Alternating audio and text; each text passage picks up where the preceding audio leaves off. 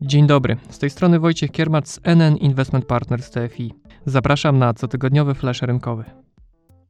Pokowidowa hossa na globalnych rynkach akcji i surowców trwa nieprzerwanie od kilkunastu miesięcy. Tylko w tym roku indeksy akcji w Stanach Zjednoczonych, a także w Europie, w tym w Polsce, wzrosło kilkanaście procent. Dlatego, gdy w poniedziałek tydzień temu przez giełdy przeszła kilkuprocentowa przecena, znów rozgorzała dyskusja o trwałość tych wzrostów. W wielu publikacjach medialnych i raportach rynkowych ich autorzy zwracają uwagę na niepewność związaną z sytuacją pandemiczną i coraz wyższą liczbą zakażeń wariantem delta koronawirusa. Ta niepewność znalazła odzwierciedlenie w spadku rentowności, a więc wzroście cen obligacji skarbowych, np. tych amerykańskich. To znak, że inwestorzy nieco obniżyli oczekiwania wobec globalnego wzrostu gospodarczego. Ale mimo to rynki kapitałowe pozostają mocne, co pokazały kolejne wzrostowe sesje na wielu parkietach świata w ubiegłym tygodniu. Bo i fundamenty, na których opiera się obecna hossa, są solidne. Po pierwsze, wskaźniki gospodarcze nadal wskazują na mocne odbicie. Weźmy przykład PMI, czyli wskaźnika wyprzedzającego koniunkturę, który w przypadku niemieckiego sektora usług i przemysłu według wstępnych danych uplasował się w lipcu na poziomie kolejno ponad 65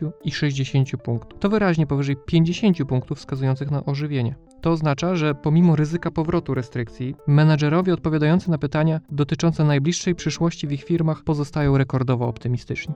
Po drugie, fundamenty hossy są silne również z uwagi na banki centralne. W ubiegłym tygodniu Europejski Bank Centralny zapowiedział, że nie będzie szybko podnosić stóp procentowych, nawet jeśli inflacja na dłużej przekroczy poziom 2%. Zdaniem ekonomistów z ING Banku Śląskiego EBC nie przewiduje podniesienia stóp przez co najmniej 3 lata, a prawdopodobnie jeszcze dłużej, skoro wprost mówi o gotowości do akceptowania przejściowych okresów wyższej inflacji. Wsłuchując się w wypowiedzi bankierów centralnych, można wysnuć wniosek, że również do końca programu skupu aktywów nam jeszcze bardzo daleko. Po trzecie, Powodów do optymizmu dostarczają również same spółki. W Stanach Zjednoczonych sezon wyników za drugi kwartał rozpoczął się od świetnych danych z dużych amerykańskich banków. Świetnie spisał się również koncern Coca-Cola. Po nich przyszła pora na spółki technologiczne. Świetne wyniki dowiózł producent procesorów Intel oraz Twitter. Zawiódł nieco Netflix, którego największym zmartwieniem jest teraz utrzymanie subskrybentów w świetle coraz większej konkurencji na rynku platform streamingowych. Ale zdecydowana większość spółek póki co publikuje wyniki lepsze od oczekiwań.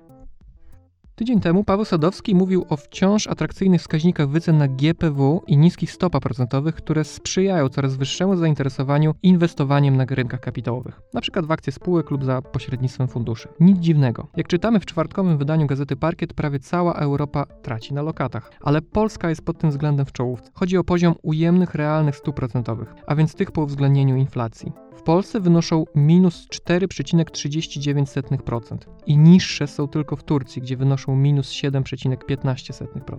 Dodatnie realne stopy procentowe występowały jedynie w Bośni i Hercegowinie, Chorwacji i Mołdawii.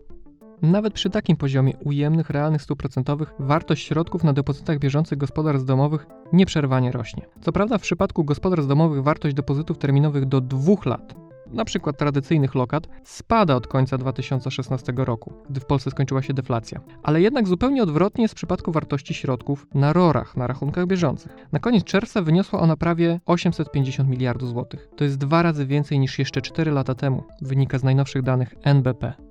Co może za tym stać? No, z jednej strony wzrost zamożności naszego społeczeństwa.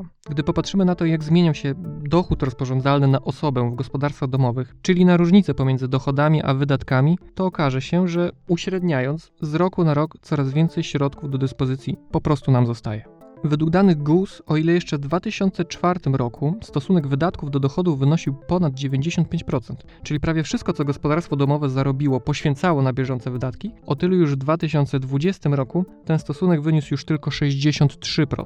To oznacza, że w kieszeni przeciętnego gospodarstwa domowego zostawał dochód, który można było przeznaczyć na coś innego niż wydatki, np. na oszczędności lub inwestycje co miesiąc od kilku do kilkunastu miliardów złotych ląduje po prostu na depozytach bieżących, gdzie nie pracuje, a wręcz traci na wartości. Jednak w środowisku niskich stóp procentowych i wysokiej inflacji część osób coraz śmielej patrzy w kierunku inwestycyjnej alternatywy, jaką są fundusze. Pierwsze półrocze było rekordowe pod względem bilansu sprzedaży do funduszy o wyższym poziomie ryzyka. Funduszy akcji, surowców, mieszanych i absolutnej stopy zwrotu. Te pozyskały w sumie prawie 10 miliardów złotych netto, co było najlepszym sześciomiesięcznym okresem od 2014 roku. W ramach tego szerokiego zbioru szczególną popularnością cieszyły się fundusze surowców i akcji zagranicznych. Te strategie mogą dobrze spisać się jako część zdywersyfikowanego portfela inwestycyjnego, w szczególności teraz, we wciąż trwającym scenariuszu globalnego odbicia po pandemii. To tyle na dziś. Do usłyszenia za tydzień.